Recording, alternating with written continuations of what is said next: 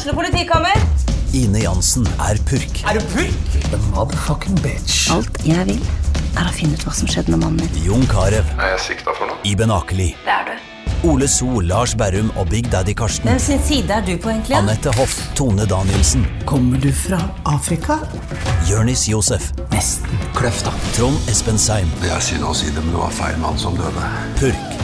Premiere tirsdag på TV2 Play.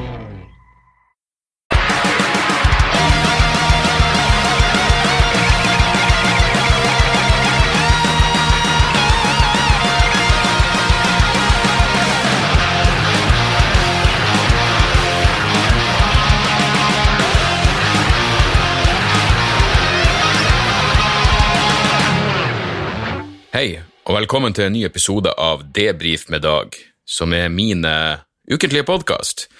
Her er det eh, onsdags formiddag.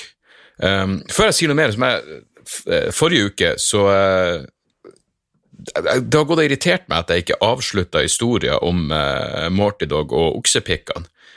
Eh, fordi det som skjedde, var altså at eh, Det er jo juletider, liksom. Hvilken bedre måte å feire Jesu bursdag på enn å kjøpe bikkja si et par, eh, et par oksepikker, så kan, eh, kan kose seg med noe eh, utenom det vanlige uh, i, i, julesesongen. Uh, men det som skjedde, var jo at uh, Morty tydeligvis er allergisk mot faenskapet, så han fikk noen sånn ekstremt allergiske reaksjoner. Ekstreme allergiske reaksjoner hvor han han, han, han klødde seg til blods og begynte å hovne opp på øynene. og ja, Konklusjonen er rett og slett at eh, det blir ikke mer oksepikk på, på Morty Dog. Så vidt jeg vet, så er det det eneste han er allergisk mot også. Men uh, hvor vanskelig er det å holde seg unna oksepikker, egentlig, i, uh, i hverdagen? Nå når hverdagen har satt inn igjen, så, så bør det være en, uh, en walkover, og ikke måtte forholde seg til, til akkurat det. Så det var poenget med hva enn. Det, det føles som jeg liksom glemte punchline i ei historie, og det irriterer meg når det, det skjer. Jeg fucka opp på en annen nå. På eh, lørdag så uh, gjorde jeg en spot på uh, det, uh, Feel Good Eye Stage har sånne mer eller mindre regelmessige show på, på Rockefeller, sånn, eh, med studentvennlige priser og alt det der. Og Det var fullt hus og, og jævlig gøy, men jeg sto i, ikke på plakaten. Men grunnen til at jeg var, var med på det showet, var at jeg skulle filme en sånn liten promogreie til, eh, til vrangforestilling, showet mitt, som, jeg- som jeg starter med nå i september. Mellom oss eh, så kommer, eh, legges billettene ut 23. januar. Men uansett, poenget var at jeg skulle filme en liten promogreie. Og da tenkte jeg jeg har en sånn vits eh, jeg kan gjøre der som, som jeg mulig, bare kan legge ut hele greia, for jeg tror ikke den kommer til å overleve. Den kommer ikke til å være aktuell nok når, når premieredatoen kommer. Men uansett, en av de tingene jeg sier, er egentlig er, I punchline så sier jeg liksom Hva faen det jeg har sagt tidligere? Eh, Det er liksom en, en pøl med blod og avføring. Eh, men altså, jeg har sagt eh, klump med blod og avføring. Nå sa jeg en puddel med blod og avføring. Og det blir jo ikke rett i det hele tatt. En fuckings puddel! Hva i helvete er det jeg prater om? Pøl eller klump funker som faen. Puddel, derimot. Og så sier jeg ikke bare én gang, jeg, en, jeg, jeg, jeg gjentar meg sjøl. To ganger sier jeg en puddel med blod. Og det fucker jo opp hele greia. Folk tror er det en puddel i pølen, eller er det, er det en pøl med pudler? Hvem vet? Jeg fucka i hvert fall opp. Og dermed Jeg vil ikke si opptaket var meningsløst av den grunn, men det var den ene tingen jeg ville, jeg ville få, få filma. Så um, sånn kan det gå. Sånn kan det faen meg gå. Vitsen handler jo eh, Eller handler jo fortsatt tilfeldigvis om eh, min gode venn Kari Jakkesson. Og jeg, hun har jo hatt en liten, eh, en liten interaksjon til. Hun var og skrev på hun, hun delte det, klippet mitt fra Mandagsklubben i 2017, når jeg kritiserte henne etter at hun dro til Syria og, og virka så veldig eh, Hun virka som en, rett og slett en stor fan av Assad-regimet. Eh, og her er greia, det er ikke som om jeg nødvendigvis er uenig med henne i alt hun sa om eh, Eller alt hun har sagt om Syriakrigen. min tanke var bare det, det, det burde da være menneskelig mulig å holde to tanker i, i hodet samtidig. Det burde være mulig å uh, være uh, rettmessig kritisk og skeptisk til vestlige militærmakter i den, i den konflikten, og samtidig anerkjenne at Assad-regimet er et horribelt diktatur. Det virker ikke som det ene burde utelukke det andre her. Men i hvert fall eh, som Kari Jakkesson er ikke i mitt hode til vanlig, men hun går tydeligvis fortsatt og tenker på det her, så hun delte den videoen eh, mens hun skrev en masse Hun skrev en lang kommentar til meg, og jeg burde skamme meg, og um, det her er ikke humor, og også fornærma over at uh, Hun er også fornærma over at uh, Else Kåss Furuseth flirer i det der klippet, og jeg svarte jo at uh, jeg, jeg, svarte at Hva faen var det jeg svarte for noe? Jeg svarte vel at at det er ironisk at hun, at hun, klager fortsatt på det her klippet tre år senere, og jeg tør ikke tenke på hvordan hun reagerer på ting hun faktisk eh, tar seg nær av. Men i hvert fall, det som da skjedde videre, det var min kommentar, og da inviterte Kari meg til, til Syria. Lurer på om jeg vil være med henne til Syria en tur i april. Og uh, ja, det her har jeg Jeg prøvde å prate om det på scenen på, på Rockefeller, og jeg tror kanskje det kan bli morsomt, så Men poenget mitt er at jeg bare sender den infoen til, til manageren min fordi jeg syns det er morsomt, og han tok det mer seriøst enn jeg gjorde. Og var sånn, er det trygt? Faen, det her har vært bra promo for showet ditt. Og, så nå skal vi sjekke opp om det, om det lar seg gjøre. Jeg er fortsatt i tvil, men men jeg, jeg mener, jeg har jo jeg har vært i fuckings Afghanistan, men det var jo i regi av det norske militæret, så da føler jeg litt ekstra trygg. Jeg mener, Du skal ikke undervurdere Kari Jakkesson sine selvforsvarsevner etter alle de eh, si, eh, personlige trenerteamene hun har gjort, men uh, men, men jeg, jeg, vet ikke. Så det skal, det skal, bli spennende å se hva som, hva som, kommer ut av det der. Jeg sendte, sendte fruen et Fruen For syntes jo også det var jævlig morsomt, men hun skjønte jo også at en del av meg, en liten del av meg tenker fuck, jeg drar, jeg er klar. Men, uh, men jeg sendte, sånn, sendte Anne Marie i oversikt over verdens farligste land i 2019, uh, og da var Afghanistan på førsteplass. Afghanistan er verdens farligste land. Uh, det er det vi har fått ut av uh, snart 20 år med kriging der. Verdens farligste land. Men uh, nummer to var Syria, så jeg sendte den til fruen, og hun svarte bare men kom igjen, det her er jo i fjor. det her er jo 2019. 2020, da starter man med blanke ark og fargestifter til. så jeg vet da faen om det blir noe open mic i Aleppo på meg med det første, men Kari skriver at hun kan introdusere meg til en uh, introdusere meg for en komiker hun har blitt kjent med i Damaskus. Uh, som uh, Det er gøy at hun understreker gjentatte ganger at jeg ikke er en komiker, men allikevel så vil hun introdusere meg for en, for en komiker. det skal bli interessant å høre hva han syns om, om sin kjære leder. Men ja, nei, i hvert fall ab absurd situasjon. Men jeg merka med en gang at det var sånn Å, men det skjer i hvert fall et eller annet. Det, og da, da, da, blir jeg glad. Eh, jeg har gjort altfor lite interessant eh, i det siste, så eh, Så vi, må sjekke opp litt ting. Man må jo sjekke opp med fuckings PST. Du kan ikke bare dra til Syria. Jeg slo faktisk inn Jeg prøvde å slå inn Oslo til Damaskus på SAS, men det er i Syria det kom ikke opp noen jævla treff, så jeg vet ikke. Og jeg leste akkurat at de, de henta ut Når Norge henta ut IS-dama og de to ungene hennes nå ganske nylig, så, mener jeg det sto at de frakta dem uh, fra leira til en flyplass i Irak, for denne leira var vel rett på grensa til, til Irak. Så jeg, jeg, jeg, vet ikke. Jeg går ut fra at Damaskus har uh, Damaskus International Airport, men um, Ja, nei. Faen vet. Jeg har også prøvd å uh, når, når, Iran innrømte at de hadde skutt ned det, det ukrainske flyet, så begynte jeg jo å tenke på det der eh, Hva faen var det igjen? Ja, når, når, USA skjøt ned eh, et iransk fly i 1998 For jeg, har fortsatt ikke klart å finne ut Er det noen som vet eh, gode, gamle og nå avdøde George Bush, eh, pappa Bush, han sa, i hvert fall ikke lenge etterpå eh, Her er det jeg lurer på. Sa han det i, som en direkte kommentar om nedskytinga av det iranske passasjerflyet, eller var det i en annen kontekst? Han sa I will never apologize for the United States of America. I don't care what the facts are.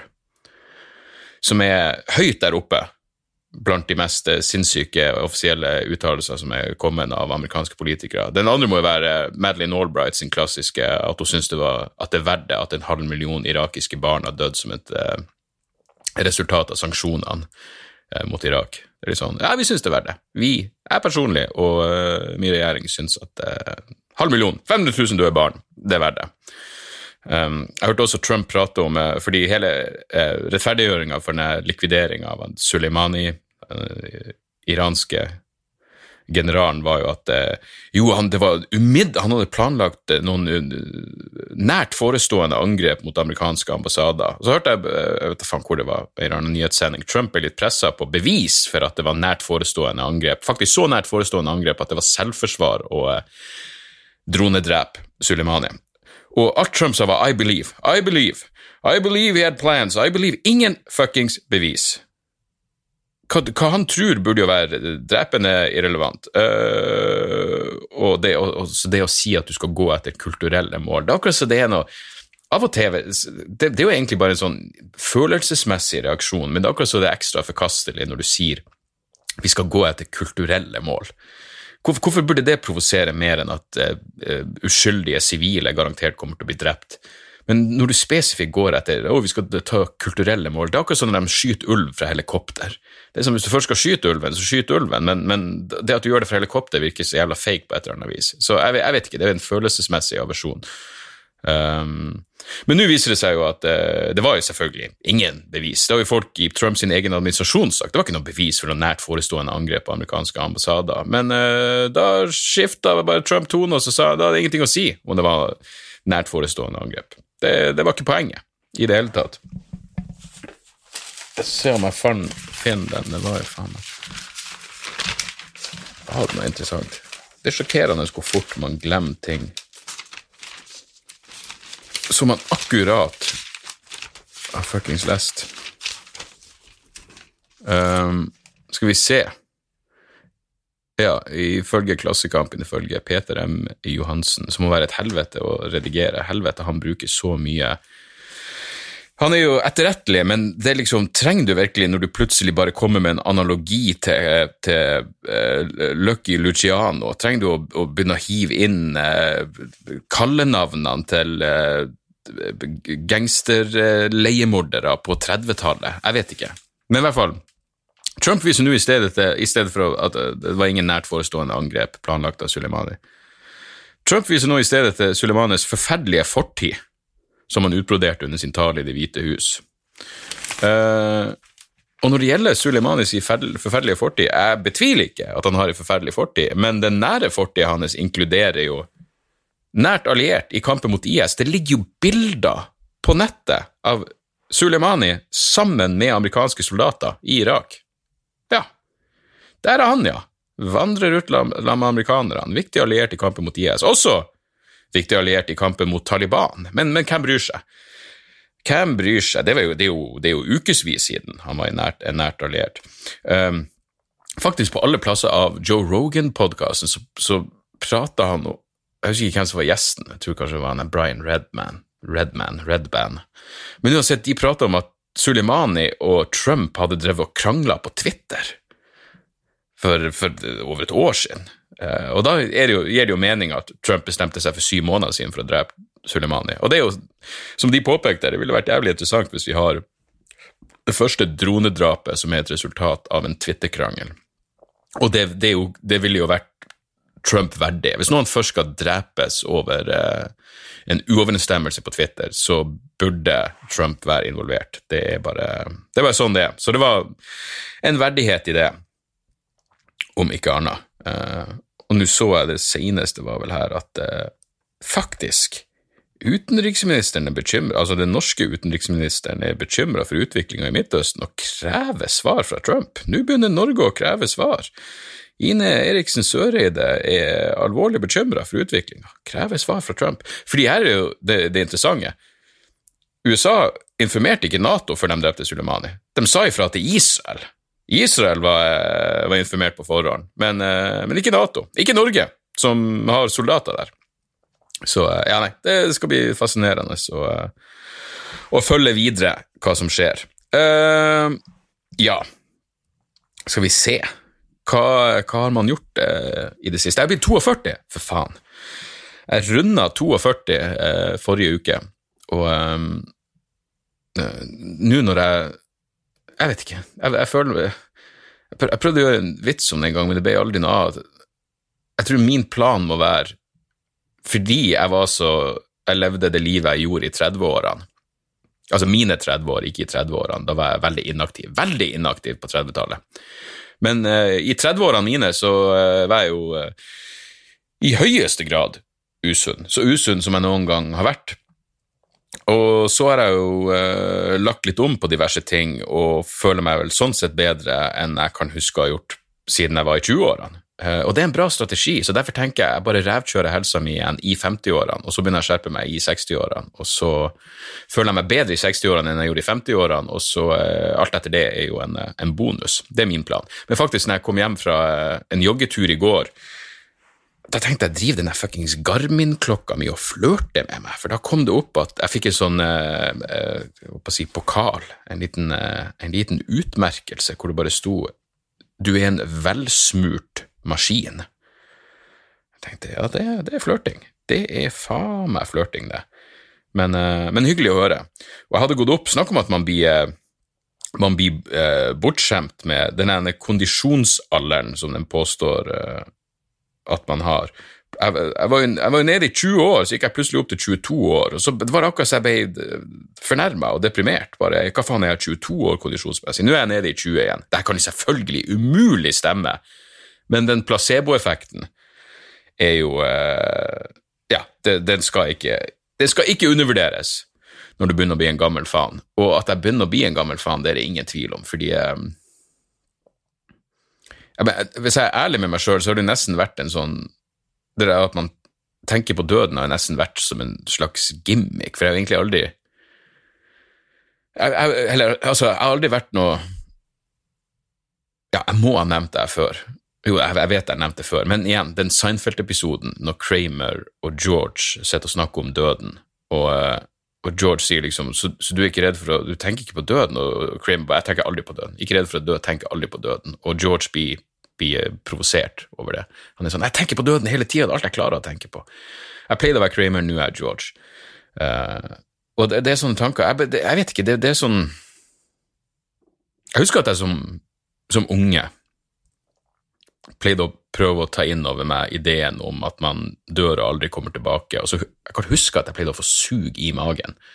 Så jeg, Shit, når jeg prøvde å tenke kommer aldri tilbake, aldri, aldri, aldri. Evigheten. Prøvde å ta inn over meg ideen om en evighet, det, det å forsvinne for alltid. Og uh, det får litt sånn sug i magen. Og faen, i det siste så har jeg fått den derre uh, hvis, jeg, hvis jeg, jeg, er vanligvis den siste som, som uh, legger meg her i huset og uh, lagt meg seint på, på, natta og bare ligget i senga. og de, de, kveldene hvor jeg vanligvis sovner med en podkast på ørene, men uh, hvor jeg bare tenker nei, nå skal jeg bare ligge i, i mitt eget hode litt. Og uh, plutselig begynte jeg å tenke på at man skal dø, og faen, det kommer til å skje. Og, og, og igjen få det der suget i magen som jeg faen ikke hadde siden jeg var unge. Det, um, det føles litt, det føles litt merkelig. Kanskje det er sunt også. Det er jo uh, jeg har jo prøvd å ta opp igjen den eh, meditasjonen min, eh, den Waking Up-meditasjonsappen, eh, og jeg er jo igjen ikke kommet lenger enn dag to før jeg detter av. Og det, det, det, irriterer meg at jeg ikke kan sette av ti minutter. Jeg skal faen meg, hvis jeg, hvis jeg rekker å bli ferdig med det her nå før, før Sander kommer hjem fra skolen, så skal jeg faen meg ta lesson three men det samme er jeg ferdig med det her. Fordi jeg merker jo at føler meg, jeg føler meg bedre. Jeg merker at bare etter ti minutter meditasjon så og det her er jo veldig sånn, du får instruksjoner underveis. Det er jo eh, mynter på folk som aldri har meditert før. Eh, og jeg merker bare at jeg føler meg roligere etterpå, og jeg, føler ikke det der jaget etter å sjekke fuckings Instagram eller hva det skal være for noe. Men i hvert fall, eh, i den appen så er det For det er jo, det er jo meditasjonsinstruksjoner, og så er det jo også så, bare sånne små klepp hvor Sam Harris da prater om alt mellom eller stort sett meditasjonsrelaterte ting, men det kan være fri vilje og illusjon om at du er et helhetlig selv. Og, men han har en som heter The Lessons of Death, som jeg, som jeg for Fruen har også begynt med denne appen. Hun pleide jo å meditere før, eh, daglig, så hun har liksom atskillig mer kompetanse på dette feltet enn jeg har.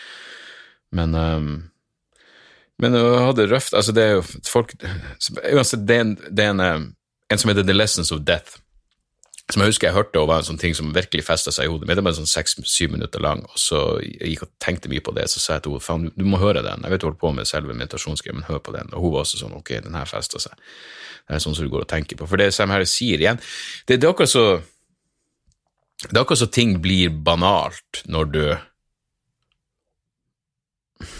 jeg vet ikke, det er akkurat som når ting er rett under overflata hos absolutt alle, og du bare får en påminnelse, så virker det banalt. Jeg husker da jeg leste denne Jordan Peterson, 12 Rules for Life, uh, 12 Rules for Life så var mange ganger jeg tenkte og det her er jo nærmest banalt. Uh, I det tilfellet så var det jo stort sett banalt. Uh, men akkurat i The Lessons of Death så prater han f.eks. om sånn ja, ethvert, enhver opplevelse du har, selv om det er en kjip opplevelse, på et eller annet tidspunkt så kommer hva enn du gjør, kommer til å bli siste gangen du gjør det. På et eller annet tidspunkt så blir det siste gangen du gjør det. Og enhver opplevelse du har, kan bli den siste du har, så hvorfor ikke Hvorfor ikke gjøre det beste ut av den opplevelsen, selv om den opplevelsen er kjip? Og jeg gjenforteller det her på en dårlig måte, men, men særlig det der med at det øyeblikket du er i nå Hvis du er så heldig at eh, Dette er mitt tilfelle, da. Jeg er så heldig at eh, for alt, Så vidt jeg vet, jeg er frisk. Det er ikke det viktigste. Det viktigste er at, at, at, at uh, Sander er frisk, fruen er frisk. Det her er er så bra som det, blir. Um, og uh, ja, jeg mener, den, den, perioden, de månedene vi hadde hvor, hvor Sander var syk og man ikke visste hva som foregikk, det, det har festa seg i hodet mitt, sånn at jeg kommer Det dukker bestandig opp i hodet mitt hvis jeg hvis jeg syter og klager helt uten grunn. Nei, en del av meg, jeg, sy, jeg syter jo og klager fordi jeg liker å syte og klage, det er jo en del av greia mi, men samtidig, hvis jeg Ja, jeg, jeg kommer bestandig til å ha det i bakhodet at så lenge alle er friske, så er faen meg Da er det ikke så mye Da er ikke så mye å klage på. Så uansett, jeg vet ikke, var det noen sammenheng i noe av det her? Gudene vet. Jeg kjøpte meg noen nye hodetelefoner på bursdagen min som virkelig Det er fra Biodynamic, Amiron sine Det skal være de beste sånne trådløse hodetelefonene som finnes. Helvete, for en opplevelse. Det er liksom Jeg er jo en hodetelefonfetisjist, men de her Satan, for en lyd. Uh, plukka dem opp på, på hi-fi-klubben i Oslo. Uh, og når, vi, når, jeg hadde kjøpt den, så er Sander, Sander er blitt veldig Han har fått sitt eget bankkort.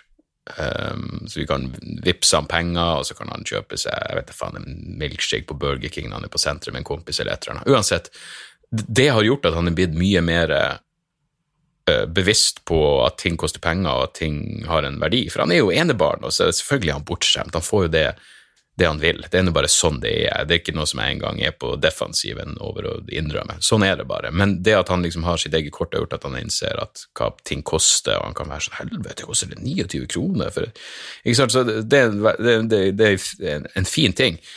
Men jeg hadde plukket, han var med meg inn på Haifa-senteret, og vi kjøpte den på veien nå for å spise bursdagsmiddag. Men eh, så han var veldig nysgjerrig på hva de kosta, fordi han bak disken var sånn det her er det beste, det her er de beste hodetelefonene, det her er top of the line.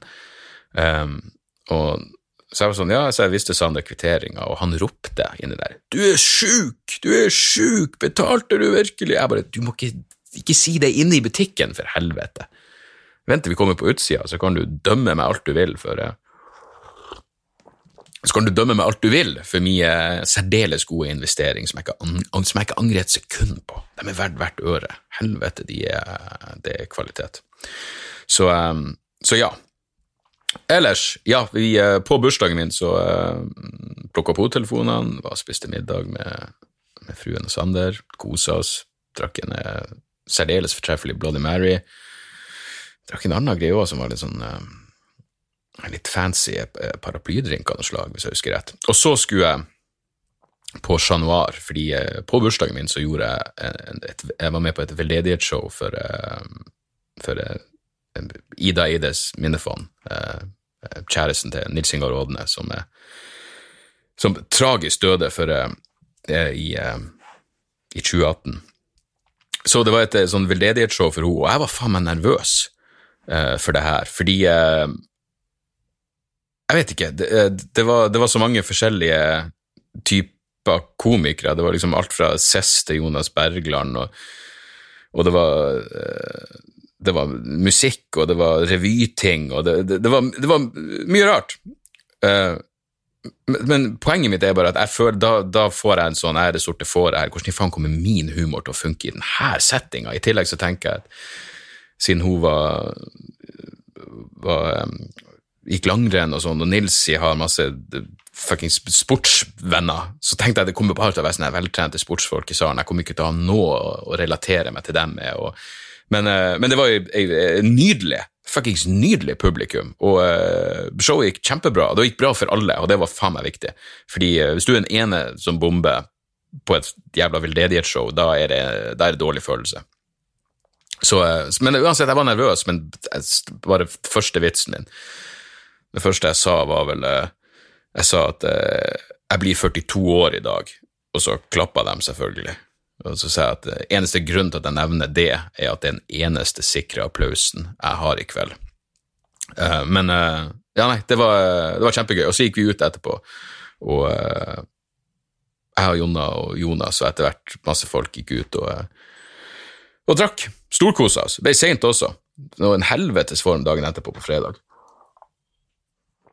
Min første hangover som 42-åring levde virkelig opp til, til forventningen. Så, så, det var gøy. Ellers har jeg vært og sett Den gylne hanske, den tyske seriemorderfilmen om en ordentlig En ordentlig person, en, en, en, kar, en kar som drev og drepte prostituerte i Hamburg, tror jeg det var, på 70-tallet. Og denne filmen hadde fått uh, blanda omtale, men um, når kritikken av filmen er at den er for voldelig og jævlig og grim, så er jo det selvfølgelig det, det, pirrer jo bare min interesse ytterligere.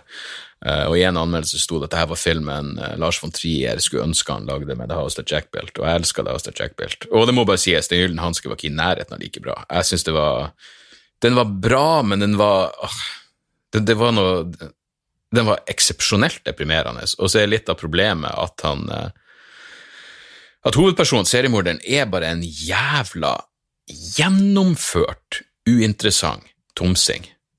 Han er liksom bare en, en, en alkis En, en alkisdrapsmann tilsynelatende uten noe indre liv.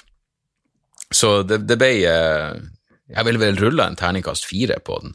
Og de hadde jo virkelig eh, Når jeg så de ordentlige liksom På slutten av filmen så får du se de ordentlige bildene fra leiligheta til han er morderen, og eh, de har jo åpenbart uh, gjort arbeidet sitt med å rekonstruere hvordan han faktisk bodde, og satan, alt er så fuckings deprimerende. Kan du se for deg noe mer deprimerende enn Tyskland på 70-tallet? Uh, eh, så um, ja, for så vidt verdt å se, men fortsatt litt skuffende. Jeg hadde litt for, for store forhåpninger, og så jævla grim var den ikke heller. Det var bare det, det var bare deprimerende. Så det, det, det, var en sånn film hvor du kan kjenne kjenne lukta. Um, så ja, Eh, jeg holder også på med en, hvis man er inne på den lignende, sesong to av serien You på eh, Netflix. Og eh, jeg syns den første sesongen var veldig bra. Sesong to jeg husker den geniale komikeren Tim Dylan hadde en, hadde en tweet hvor han bare skrev at problemet med You sesong to er at den er satt i, er satt i LA, hvor alle karakterene burde myrdes og jeg er for så vidt enig med han, og det er noe plotthold og noe greier her som er litt sånn ah, ok, jeg vet ikke. Jeg blir å se det ferdig, jeg syns fortsatt det er en ganske det er en veldig lett serie å se, det, det, det krever ingenting. Um, det er enkel underholdning, og uh, i den forstand uh, Ja. Det, er alt man kan be om, egentlig. Men jeg gleder meg noe jævlig til uh, å sjekke ut um, hva den heter, The Outsider på, på, HBO. Den virker dritbra. Det er vel en Stephen King-roman, egentlig, som er Ja jeg håper, håper, virkelig det er bedre enn Castle Rock, som bare var en, eh, etter hvert en gigantisk, eh, gigantisk nedtur. Men skal vi se hvor langt Der er vi jo faen meg på halvtimen. Så godt beregna. Så godt beregna. Skal jo klare å snike inn en liten eh, meditasjon. Aldri, det er en rar setning å si, men det er nå engang sånn det er. Og det må jeg si når jeg begynte med når godeste Kari inviterte meg til Syria, det første jeg tenkte var jeg må få Jan, Jan Tore med. til fuckings Syria. Det hadde vært jævlig gøy. Så jeg skrev eh, Jeg forklarte situasjonen til han, og han svarte bare 'jeg drar faen ikke til Syria'. Og det var først når jeg fikk det svaret at jeg innså hvor absurd forespørselen min var. Jeg mener, Det er én ting å spørre om han blir med til Kjøpsvik, det er noe annet med Damaskus. Jeg innser det, eh, selv om vi kunne fått pressa inn en open mic i Aleppo. Men, eh, men, han var ikke interessert. Han var ikke åpen for, for Syria i det hele tatt. Så hvis du ser, hvis du ser Jan Tore, pek på han og uh, si det jeg sa, som er de jævla pingle. Men skal vi se hva det Vi må ta et par uh, Det tikker nå inn mailer uh, ganske jevnlig, og som jeg har sagt til dere på et eller annet tidspunkt skal jeg faen meg få svart på alle de som jeg enda ikke har svart på, men faen, det samler seg opp. Men jeg leser absolutt alle, og jeg setter pris på absolutt alle. Men du må vite, når du bare skriver noe, noe hyggelig til meg, så leser jeg det, og jeg setter enorm pris på det. Men uh, uh, uh, Var det noe her var en Fordi det, jo, det er jo, Mailadressen til podkasten er jo debrifpodkast.gmail.com. Og en eller annen merkelig jævla grunn, selv om jeg ikke bruker en mail til noe annet, så, så får jeg jo reklamespam, men en del mailer fra dere har havna i den jævla reklamedelen som jeg ikke hadde åpna før. Så, um, så det, det også Nå tror jeg jeg har kontroll på alle som er kommet inn, men uh, vi bare tar, vi, vi tar et par her. Skal vi se uh, uh, lesing. Hei, jeg heter Anonym og har skrevet til deg en gang tidligere, den gang om musikk, om bøker og lesing. Jeg vet at du har snakket om og engasjert deg rundt dette utallige ganger tidligere, både på scene, på debrief og i dialogisk. Du får bare unnskylde om du er grådig lei av temaet, men altså, folk leser nesten ikke bøker lenger, og særlig da sakprosa, og det føles ikke bra uten at jeg kan begrunne følelsen konkret. I moderne tid har vi både internettpodkaster og generelt uendelig tilgang på informasjon når som helst. Likevel føler jeg meg skamfull når bøker jeg har kjøpt og ment å lese, bare støver ned i hylla. Jeg har begynt på mange av de, og jeg, kommer, jeg, jeg bare kommer ikke videre. Det føles som jobb man tvinger seg gjennom. Jeg tror jeg snakker for en del folk på min egen alder, 24, når jeg sier at veldig mange oppriktig sliter med å konsentrere seg om en bok i la oss si litt over en time, uansett hvor interessant og bra den måtte være. Årsaken er garantert veldig sammensatt, og uansett hvilken årsak som veier tyngst, så er det et faktum at mange av oss vil lese. Vi har lyst til å få aha-opplevelser, ta til oss informasjon og gjøre dypdykk i ideer og meninger fra interessante forfattere, og vi vil kunne diskutere dette med vennene våre. Men rastløsheten og den dårlige konsentrasjonsevnen er dessverre en gjenganger hos denne generasjonen. Jeg føler på et slags kompleks for alt dette. I 2019 kom jeg meg bare gjennom én bok, og det tok ca. to måneder to måneder å lese ferdig, så hva kan man gjøre for å få unge mennesker til å lese igjen? Har du noen konkrete tips når det gjelder konsentrasjon og lesing, og er det faktisk sånn at det blir lest mye mer blant tidligere generasjoner, eller er dette et romantiserende bilde jeg har av dem? Og til slutt, er det i det hele tatt viktig å få folk til å lese? Kanskje det ikke er så forbanna viktig, kanskje det bare er et uberettiget gnag, men det føles så forbanna feil. Hvilke tanker gjør du deg om dette? Hilsen lesehestkuk. Vel, lesehestkuk. Du har helt rett i om at i at det er noe jeg prata om tidligere, og som eh, bekymrer meg. Altså, bekymringa er jo Bekymringa i forhold til den eh, oppvoksende generasjonen er jo primært konsentrasjonsevne, ikke nødvendigvis lesing. Um, jeg vet ikke om folk leste så mye mer før, men det er jo ingen tvil, i hvert fall for meg så er jo lesing og tenking går jo hånd i hånd. Jeg mener, Du kan selvfølgelig høre podkaster og se en masse interessante dokumentarer og alt det der, men jeg tror du reflekterer mens du leser på en annen måte enn en, en andre med andre måter å ta inn informasjon på. Og, og kanskje det her bare er en sånn nostalgigreie for meg. For jeg, jeg kan huske med det samme når jeg, da jeg flytta til Oslo, um, akkurat ferdig med studiene, og um, liksom Jeg var vel litt lærervikar i ny og ne. Men jeg hadde liksom i når jeg hadde bestemt meg for at fuck det standup jeg, skal, jeg skal satse på. Så husker jeg at uh, Anne Marie dro på jobb på morgenen, selvfølgelig, og uh, jeg husker ikke om vi hadde fått Det var til, kanskje til og med i tida før vi hadde fått Chomsky-dag, men hun dro på jobb, la oss si hun dro i åttetida, og da kunne jeg sitte og lese nesten til hun kom hjem. Jeg hadde en, en lunsjpause, men, uh, men tida ellers gikk bare. Jeg hadde en sånn liten stol, og så satt jeg der og leste hele dagen. Og det var ingen problem i det hele tatt. Og det var jo internett på denne tida, det var i 2005, må det ha vært. 2005-2006. Men eh, Men konsentrasjonsevnen var, var, virkelig noe helt annet. Og av og til tror jeg Av og til når jeg blir nervøs over å bare være sånn Fuck, jeg husker jo ingenting lenger. Så er det bare fordi man Ja, du konsentrerer deg ikke mens du leser. Sånn som i jula så hadde jeg noen noen, eh, noen, runder. Jeg holdt på med en bok som heter End Times av Brian Walsh, som liksom handler om forskjellige måter Eh, det handler om eksistensiell risiko og hvordan menneskeheten kan utslettes. Du vet sånne gladsaker som man gjerne koser seg med i juletider. Men eh, jeg husker ganske godt det jeg leste, fordi jeg faktisk fant oppriktig ro. Det er jo det som er greia. Det er jo der den jævla meditasjonen, eller ikke jævla meditasjon, der meditasjon kommer igjen. Det er derfor jeg har lyst til å begynne å meditere, rett og slett for å kunne komme tilbake og finne den konsentrasjonen igjen. For jeg tror ikke det er noe Jeg tror ikke det er alderen min, jeg tror ikke det er hjernen min som fungerer så dårlig at jeg ikke husker ting lenger. Det er rett og slett bare dårlig konsentrasjon. Og det var faktisk en, en greie i dag i uh, ja, i, i, Klassekampen igjen om, eh, om ei som har skrevet ei doktoravhandling eh, eh, hvor, som handler om at folk på 1700-tallet også hadde dårlig samvittighet over at de leste eh, for lite. Um, og og, da, da, var liksom stressen at de leste for lite seriøse ting. De leste for mye romaner og alt. Så, mens nå ville selvfølgelig, hvis folk leste en roman, så ville det vært et fantastisk steg i, i riktig retning. Men i hvert fall i den ehm, ja, Det er fordi Klassekampen har sånn, av og til sånn, eh, artikler fra Informasjon, tror jeg det heter, i Danmark. Men, ehm, men da påstår jeg at vi leser mer nå enn vi noen gang har gjort. Altså, vi leser mer ord nå vi leser mer ord nå enn vi noen gang har gjort før. Uh, spørsmålet er selvfølgelig hva vi leser. Hvis du leser noen jævla sminketips fra en influenser på Instagram, så gjelder det jo som ord lest, men det du sitter igjen med, er jo uh, ja, om mulig mindre enn en ingenting. Så, um, så jeg vet ikke med akkurat det der. Og jeg, jeg, tror jo Men det er jo jeg mener, Når man skal være svulstig La meg se, jeg har, jeg har artikkelen her, um, og da får hun Skal vi se, da sier hun Hun heter uh, professor Tina, Tina Lupton, Lupton, Lupton, L-U-P-T-O-N. Um, hun sier følgende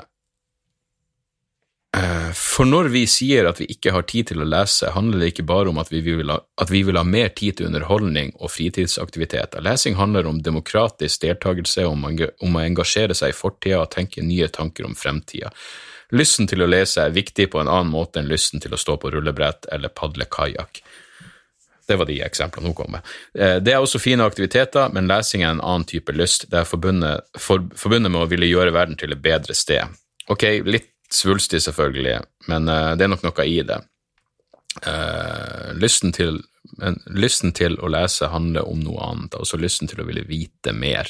Det er også et ønske om å engasjere seg i samtida si og bidra til samfunnsdebatten. Og her er greia, det er ikke bestandig Jeg, jeg husker ikke hvordan forfatter som sa at han, han, liker ikke å skrive, han liker å ha skrevet. Uh, og sånn kan det være med lesing også. Ikke sant? Det, det er ikke nødvendigvis selve det å sette seg ned med ei bok, at den prosessen bestandig er like nytelsesforbundet med ren jævla nytelse, men etterpå så har du fått noe ut av det.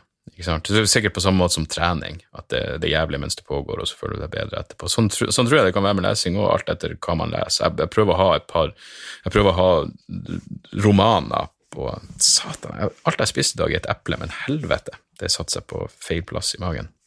Um, ja, så, så jeg vet ikke. Jeg, jeg, jeg, igjen, jeg kan bare snakke for meg sjøl. Jeg husker jo Jeg husker at jeg skrev en greie for VG en gang om hvor jeg refererte til ei, bok som jeg ikke har lest, men som bare handler om eh, et eller annet lesevanene til arbeiderklassen i Storbritannia på 1800-tallet, eller noe sånt, hvor jeg hvor de fikk de hadde, de hadde selvfølgelig ikke lydbøker, men da var det vanlig at, at folk som gjorde manuelt arbeid sant? Det var lagde sko, skomakeren, mens han gjorde jobben sin, så leide de uh, uh, unger, hvis jeg husker rett, som leste høyt for dem mens de jobba. Uh, men igjen, det var jo bare en slags, en, slags, en slags, lydbok. Så kanskje denne ideen om at man har dårlig samvittighet for at man ikke har lest, lest nok, kanskje den alltid har eksistert. Eh, fortsatt forundringsverdig at, du, at, man kan treffe voksne folk som er oppriktig stolt over å aldri ha lest. Det er ganske, det er ganske spesielt. En ting jeg må skjerpe meg med, er at jeg merker jo ting og understreker ting i, i, når jeg leser, og ting jeg vil komme tilbake til, og ting jeg trenger å huske. Ofte er det bare ting som fordi det kan brukes i en vits eller et eller annet. Det er noe informasjon jeg trenger. Men jeg er altfor dårlig til å gå tilbake til bøkene og faktisk se hva det er jeg har streka under og, og merka meg. Men, eh, men, ja, jeg vet ikke. Men uh, målet mitt for 2020 er absolutt å lese mer, og jeg syns det skulle være ditt mål også, fordi jeg tror det er godt for oss. Godt for oss. Uh, ja, et par uh, kjappe tips helt på slutten. som jeg nevnte forrige uke, så har jeg kosa meg kraftig med den nye skiva fra The Good, The Band The Sugly. Den heter Algorithm and Blues, som er igjen en nydelig jævla tittel. Den rocker som faen. Hvis dere liker Søgli, så vet dere hva dere får. Uh, uh, jeg har elska det bandet siden Jeg elska det bandet siden Egon Holstad sendte meg et par låter fra, fra debutskiva Anti-World Music i 2013, må det ha vært, eller noe sånt.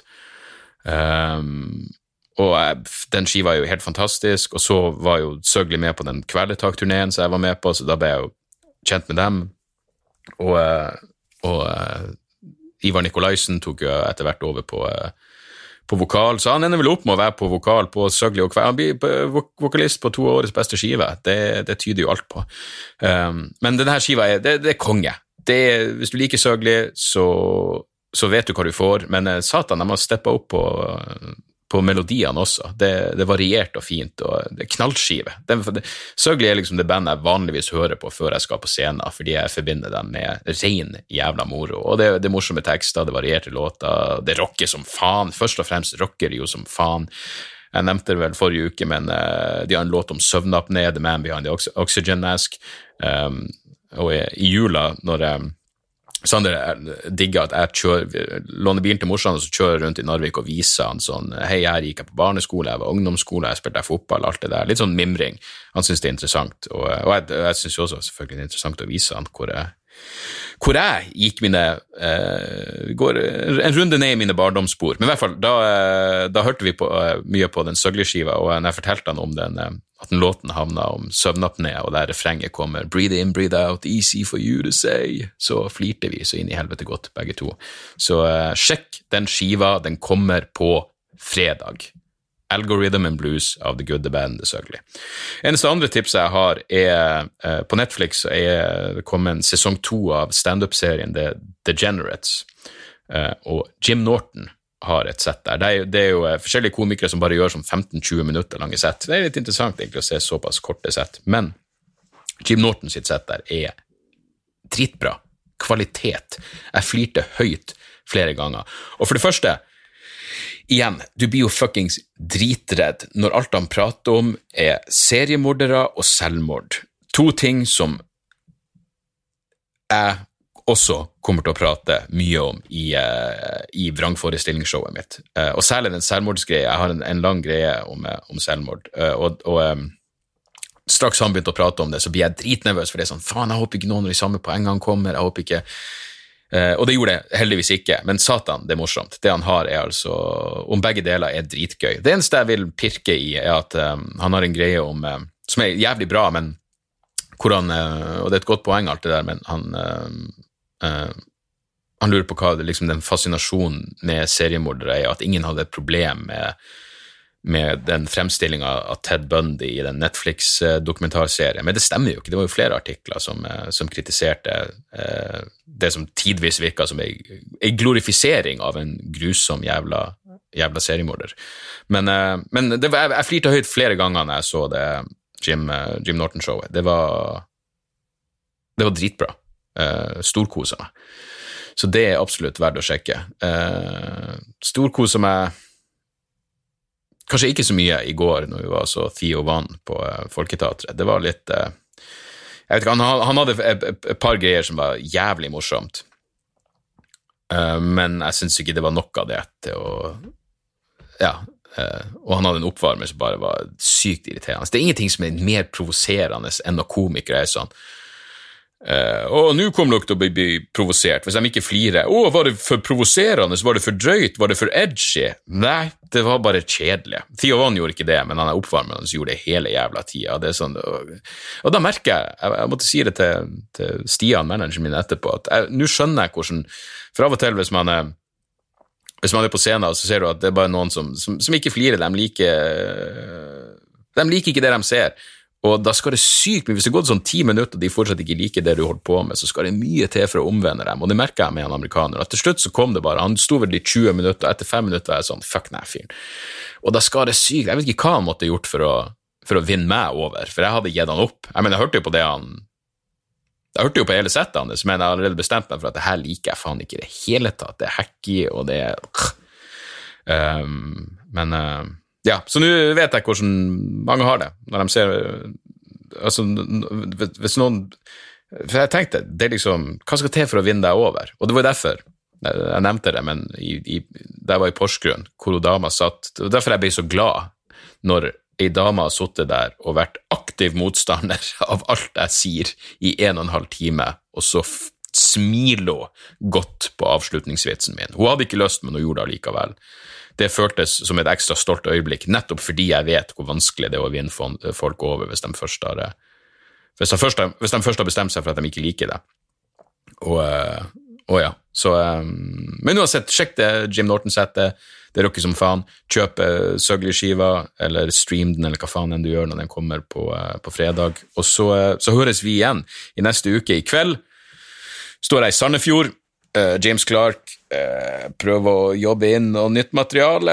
Jeg står på Josefine i Oslo i morgen, gjør tilsvarende der, prøve å uh, finne ut av noen noe nye ting, og så um, Ja. Så kommer uh, vrangforestillingsturnélista så fort som, som overhodet mulig, men som sagt, tanken er å legge ut billettene 23 i januar. Der, altså. Spørsmål, dødstrusler, alt det der, debrifpodkast at gmail.com er, er min, uh, min, adresse.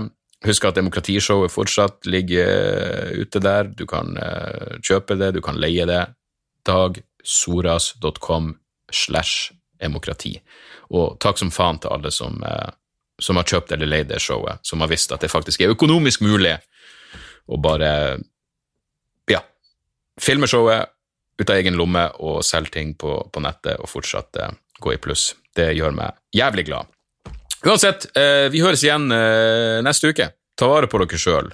Og så skal jeg gå og, eh, og, meditere litt. Jeg skal finne indre ro. Det er jo faen meg, det er jo borgerkrig i hodet mitt straks jeg lukker igjen øynene og prøver å trekke pusten. Men, eh, men jeg jobber. Jeg jobber med en fredsavtale. Eh, vi høres neste uke, folkens. glad i dere og alt det der. Tjo og hei.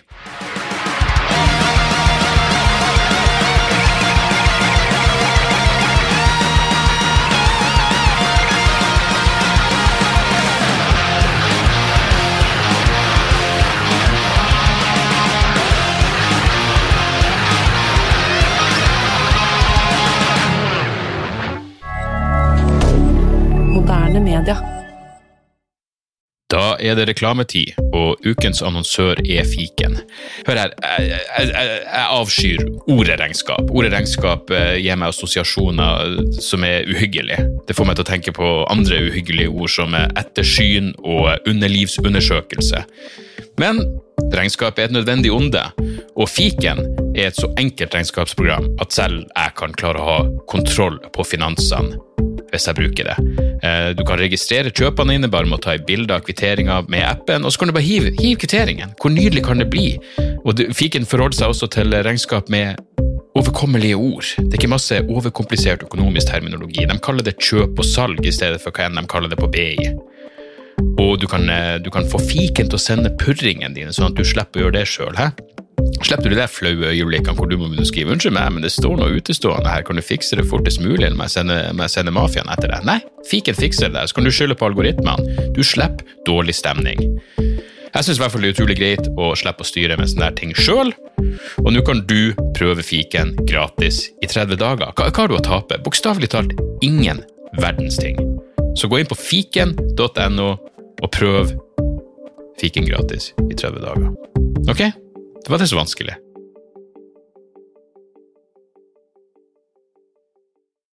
Har du et enkeltpersonforetak eller en liten bedrift? Da er du sikkert lei av å høre meg snakke om hvor enkelt det er med kvitteringer og bilag i fiken, så vi eh, gir oss her, vi. Fordi vi liker enkelt. Fiken superenkelt regnskap.